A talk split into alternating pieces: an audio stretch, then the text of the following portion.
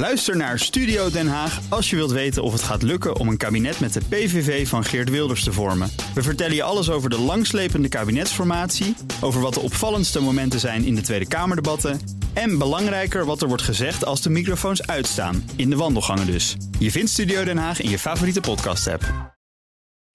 4 over half 5. Waar er schade is, komen er claims. Zo ook in deze coronapandemie. Er lopen aanklachten richting allerlei overheden. Het Oostenrijkse Ischol, de Franse regering... de Italiaanse provincie, regio moet ik zeggen, Lombardije... Bolsonaro in Brazilië, China en ga zo maar door. Maar of die kans van slagen hebben... Daar gaan we het over hebben. Daarvoor bij ons in de studio Geert-Jan Knoops, internationaal strafrechtadvocaat en hoogleraar politiek van het internationaal recht aan de Universiteit van Amsterdam. Welkom in de studio. Goedemiddag.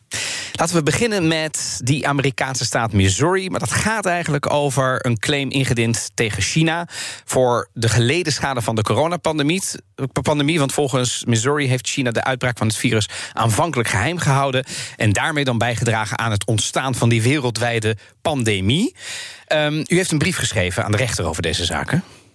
Ja, professor Tom Zwart, hoogleraar uh, mensenrechten aan de VU en ondergetekende hebben uh, een amicus curiae brief ingediend. Dat is een wetenschappelijk document waarin je je profileert als vrienden van het Hof. Mm Waarin wij op wetenschappelijke basis hebben uiteengezet waarom die claim tegen China niet zou kunnen worden geaccepteerd voor een Amerikaanse rechtbank. En wat hebben we gedaan? Omdat we eerder in 2020 aan een congres hebben deelgenomen in China, per Zoom overigens, waarin dit onderwerp ja. ter sprake eh, werd gebracht. En deze brief, deze amicus curiae brief, is door de federale rechter in Missouri geaccepteerd. Dus dat zal worden betrokken bij zijn uiteindelijke oordeelsvorming. Het interessante is trouwens dat die claim is ingediend door de advocaat-generaal van de staat Missouri, meneer Schmidt. Dus niet door burgers. Nee. Dus hij heeft zelf het voortouw genomen om namens de staat Missouri die claim tegen de Volksrepubliek China in te dienen. En overigens ook tegen de Communistische Partij. En daarmee geeft hij ook aan dat hij dat het moeilijk zal zijn om een land als China in Amerika aan te klagen.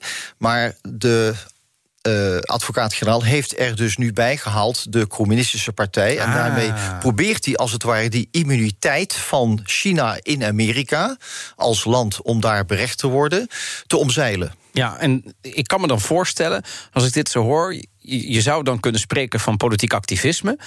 Maar je zou ook kunnen zeggen, ja, maar het, het, is ook wel het juiste gebruik van het recht. Nou heeft u van dat laatste ook nog verstand. Uh, wat is het van de twee? Of is het wellicht een van, kan het allebei zijn? Het kan allebei zijn. Het zelf, dat blijkt ook uit onze amicus curiae brief... dat uh, deze juridische manoeuvre van de advocaat-generaal Erik Schmid... natuurlijk ook mede door politiek activisme is ingegeven... Uh, omdat hij daarmee, denk ik, ook politiek een signaal afgeeft namens zijn achterban. Ja. Maar we moeten niet vergeten dat. Uh, ook juridisch gezien dit een hele interessante zaak is. Het is de eerste zaak waarin een land als China wordt aangeklaagd in een ander land. Ja. En uh, dat gebeurde overigens op 21 april. Dus dat was eigenlijk net na de uitbraak van de pandemie. 21 eh, april 2020. 2020, waarbij er dus toch heel weinig bekend was wetenschappelijk over uh, de, de oorzaak van de pandemie. En dat is nog steeds overigens het geval maar ook uh, de effecten daarvan. En een van de punten die wij ook in onze amicus curiae brief aankaarten... is dat er naast de juridische obstakels die er zijn om een land als China aan te klagen in Amerika, ook feitelijk gezien er geen bewijs is. Dat China verantwoordelijk is voor de uitbraak van de pandemie. We hebben dus onlangs de commissie gehad die dat onderzoek heeft gedaan. Nou, er is geen aanwijsbare oorzaak naar voren gekomen. Je kunt misschien wel, en die andere rechtszaken die u net bij de introductie noemde, die worden gevoerd in Frankrijk door een groep artsen, Italië, Oostenrijk. Uh, Brazilië is aangeklaagd bij het internationaal strafhof. In al die zaken gaat het meer om wat zijn de maatregelen die de overheid nadien heeft genomen. Ja, dus is de overheid ja of nee yes. nalaten geweest. Maar hier, nog, en dan blijven we nog heel even bij die, bij die, bij die claim van Missouri ja. jegens China. Ja. Dit, was, dit is eigenlijk ook gebeurd in een, in een politiek klimaat waarin de Amerikanen het ook hadden over het China-virus of het Wuhan-virus. U zegt dat neigt naar politiek activisme. Um, maakt het daardoor een claim lastig? Um, als je dat moeilijk kan bewijzen, bijvoorbeeld omdat we helemaal niet weten waar dat virus is ontstaan? Ja, ik denk dat dat zeker die claim lastig maakt. Want vergeten we niet, de claim tegen de Volksrepubliek China in de staat Missouri is eigenlijk gebaseerd op de verantwoordelijkheid die volgens deze advocaat-generaal Schmid bij China gelegd zou moeten worden voor de uitbraak, voor het Ja. ontstaan van. Ja. Nou, daar is wetenschappelijk inderdaad geen bewijs voor. Maar het feit dat je dan toch die claim daar legt Ja. bij die rechter, dat neigt ertoe. Lijkt naar de conclusie dat je dus daarmee ook een politiek doel wil Ja. nastreven. U, u formuleert voorzichtig natuurlijk, als een goed jurist Maar betaamt. het moet toch ook juridisch hout snijden? Ja. Zeker. Nou, we hebben in onze amicus curiae brief ook aangetoond, professor Zwart en ik, dat ook internationaal rechtelijk gezien, maar ook volgens het Amerikaanse federale recht, er geen basis is om eh, de Volksrepubliek China aan te klagen in Amerika. Nog los van het ontbreken van een feitelijk substraat, een wetenschappelijk bewijs voor het ontstaan van eh, het, de pandemie in dit geval. Ehm, dus dat betekent dat deze zaak, als die tot een uitspraak komt, want de rechter kan natuurlijk nog steeds zeggen: ik eh, verklaar de zaak niet ontvankelijk, want we kunnen hier niet Volksrepubliek China gaan berechten in een federaal hof in de Verenigde Staten. Ja. Los van de vraag of dat wel zou kunnen gaan voor de Communistische Partij of volgens het Instituut voor Volksgezondheid van China. Maar eh, er komt er waarschijnlijk dus wel een uitspraak hierover. En dat wordt. Dat is voor juristen internationaal recht bijzonder ja. interessant. Ja. Want er is niet eerder een zaak op dit gebied gevoerd. Er is nu wel een aanklacht ingediend eh, door eh, een eh, NGO, eh, een groep artsen tegen de president van Brazilië, Bolsonaro, in het strafhof in Den Haag. Ja. Ja, want dat kan wel. Hè. Dat, dat, Dat is al wel. eerder gedaan natuurlijk. Als, mits natuurlijk gewoon iedereen die daarbij betrokken is... dat dat strafhof dan ook erkent. Zou nu deze uitspraak in Amerika... is dat dan meteen, heeft dat dan echt zo'n precedentwerking op de rest van de wereld? Is daarmee dan, verandert dan daarmee het internationaal recht, het spanningsveld? Nou ja, kijk, we hebben, dat zou kunnen, omdat wij namelijk in onze amicus curiae brief hebben we een beroep gedaan op eh, het aspect van juridische overmacht. Dat betekent dat is gebaseerd op eh, een internationaal document dat voor alle landen geldt. Dat vertegenwoordigt, zoals dat zo mooi heet, internationaal gewoonterecht. En dat eh, artikel dat ziet op overmacht betekent eigenlijk als er iets gebeurt wat buiten de controle van een land ligt, dan kun je dat land niet aansprakelijk houden voor schending van bepaalde andere internationale verplichtingen. Wat we ook wel kennen in de verzekering als force majeure. Ja, exact. Nou, als de federale rechter Missouri dat zou overnemen, Ja. stel dat hij zegt die klacht is ontvankelijk, maar ik ga dus naar de inhoud kijken, dan zou dat dus betekenen dat het ook eh, voortaan in dit soort gevallen van een pandemie als deze en met deze omvang, die onvoorzien ontstaat, dit artikel inderdaad zijn uitwerking heeft en kan worden ingeroepen door landen, maar ook door zeg maar wellicht privé-instituten. Pittig. Oké. Je luistert naar BNR in de middag. De gast is Geert-Jan Knoops, internationaal strafrecht, advocaat en expert. Ehm, kan ik de conclusie trekken dat het makkelijker is een staat aan te pakken op de maatregelen en het beleid dan eh, toen de pandemie er eenmaal was, dan het ontstaan van die pandemie aan zich?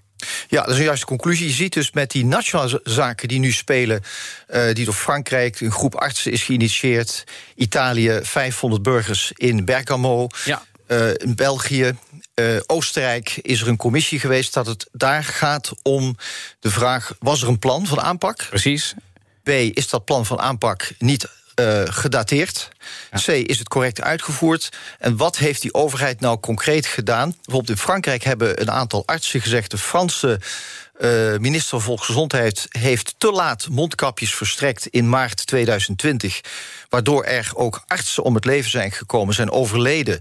Dus dat is een maatregel die Frankrijk eerder had moeten nemen. Klinkt als nalatigheid van de overheid? De kern is eigenlijk het begrip nalatigheid. Maar dat moet wel grove nalatigheid zijn. Dus eh, dat is het criterium. Daarom is bijvoorbeeld ook president Trump niet aangeklaagd in de Verenigde Staten. Er zijn veel initiatieven ontplooid om ook president Trump aan te klagen. Ja. Omdat hij ook de pandemie heeft gedownplayed. Maar ook in het Amerikaanse recht geldt dat je niet zomaar nalatig eh, moet zijn voor zo'n claim, maar het moet gaan om grove nalatigheid. En dat is dus ook de bewijslast die de burger heeft of degene die zeg maar, die Die claim, neerlegt. Dan toch even naar Bolsonaro. Want als we één wereldleider hebben die een loopje neemt, eigenlijk nog veel meer dan Trump, met allerlei doden en vreselijke taferelen in Brazilië tot gevolg, dan is het Bolsonaro. Dan zou je bijna zeggen, gewoon als normale niet-juridisch geschoolde burger... ja, die man die kun je wel aanklagen, want die is grof nalaten geweest in zijn beleid. Houdt zo'n claim stand, denkt u? Uh, Zo'n claim zou denk ik nationaal in Brazilië bij een civiele rechter meer kans maken dan bij het internationaal strafhof. Er is dus medio vorig jaar door een groep uh, internationale verpleegkundigen die zich hebben samengevoegd. En dat gaat om honderden uh, mensen uit het zorgpersoneel in Brazilië en ook in andere landen. Is er dus een aanklacht ingediend bij de hoofdaanklager van het internationaal strafhof in Den Haag. Daar is bij me weten nog geen beslissing opgenomen. Maar het zou mij niet verbazen dat daarvan wordt gezegd. Want die aanklacht is gebaseerd op het feit dat president uh, Bolsonaro misdrijven tegen de menselijkheid daarmee zou hebben gepleegd. Ja. Dat is natuurlijk een enorm hoge drempel. Ja. Nou, dat kun je denk ik bewijsrechtelijk nooit hard maken. Maar het is ook niet het juiste forum, omdat het strafhof echt gaat om uh, massale schendingen van het uh, genocide, dat, ja, et cetera. Maar ik denk bij een Braziliaanse civiele rechter ja. zou die claim veel meer stand kunnen houden door die groep. En dat zie je dus ook gebeuren met de, de Franse artsen die naar de rechter zijn gestapt. Een speciale rechtbank in Parijs, waar uh, overheidsfunctionarissen kunnen worden aangeklaagd. De, de gezondheidsminister Philippe is daar dus aangeklaagd door notabene een groep artsen. Die ook zeggen dat de Franse overheid veel te laat heeft ingegrepen. Ah, ja. Dus ook nalatigheid. Tot slot even naar Nederland. Daar hebben we het eigenlijk nog helemaal niet over gehad. Dat komt, er is bij mij weten ook helemaal nog geen claim richting de Nederlandse staat. Zou dat überhaupt kans van slagen hebben dat je zegt, nou ook hier nalatigheid, uh, veel, veel, veel te laat gehandeld? Of zegt u nou, dat, dat kan civielrechtelijk wellicht, maar dan moet je dat heel goed bewijzen? Nou, kijk, een van de grote problemen is de, we noemen dat met een mooi woord, de causaliteit, het causaal verband op zich zijn er ook in Nederland ingrediënten waarmee je kunt aantonen dat onze Nederlandse overheid in 22 nalatig is geweest. Denk aan het beroep van de minister-president dat mondkapjes een schijnveiligheid zouden zijn. Denk aan het RIVM, RIVM die ja. in februari nog tweette. Niks aan de hand, het lijkt, ja. het lijkt niet van mens op mens overdraagbaar te zijn. Ja. Zo kun je een hele waslijst opnoemen. Probleem is dat als burgers in Nederland uh, want die verzoeken hebben wij als kantoor ook gehad ah. van burgers en instituten en ondernemers van kan de Nederlandse overheid niet worden aangesproken op die pandemie, is het probleem de causaliteit, namelijk dat je kunt zeggen wat is nou de doorslaggevende factor geweest voor de besmettingen en de sterfgevallen. Het kan dus een factor zijn die niet in de macht van de overheid ligt. En die bewijslast is dus verdraaid moeilijk. Ja. Maar je kunt wel vaststellen dat ook onze eigen overheid nalatig is geweest in de bestrijding van de pandemie in 2020. Maar of dat grove nalatigheid is en of dat ook die causaliteit kan aantonen, dat zal een rechter moeten bepalen. En dat zullen met name ook deskundigen dan moeten onderbouwen of dat zo is. Erg interessant en daar gaan we vast nog wel meer van horen. Hartelijk dank dat u hier was. Geert-Jan Knoops, internationaal strafrechtadvocaat en hoogleraar politiek van het internationaal recht aan de bij BNR ben je altijd als eerste op de hoogte van het laatste nieuws. Luister dagelijks live via internet. Bas van Werven. En heel langzaam komt de zon op rond dit tijdstip. Je krijgt inzicht in de dag die komt op BNR, het Binnenhof in Nederland en de rest van de wereld. De Ochtendspits. Voor de beste start van je werkdag. Blijf scherp en mis niets.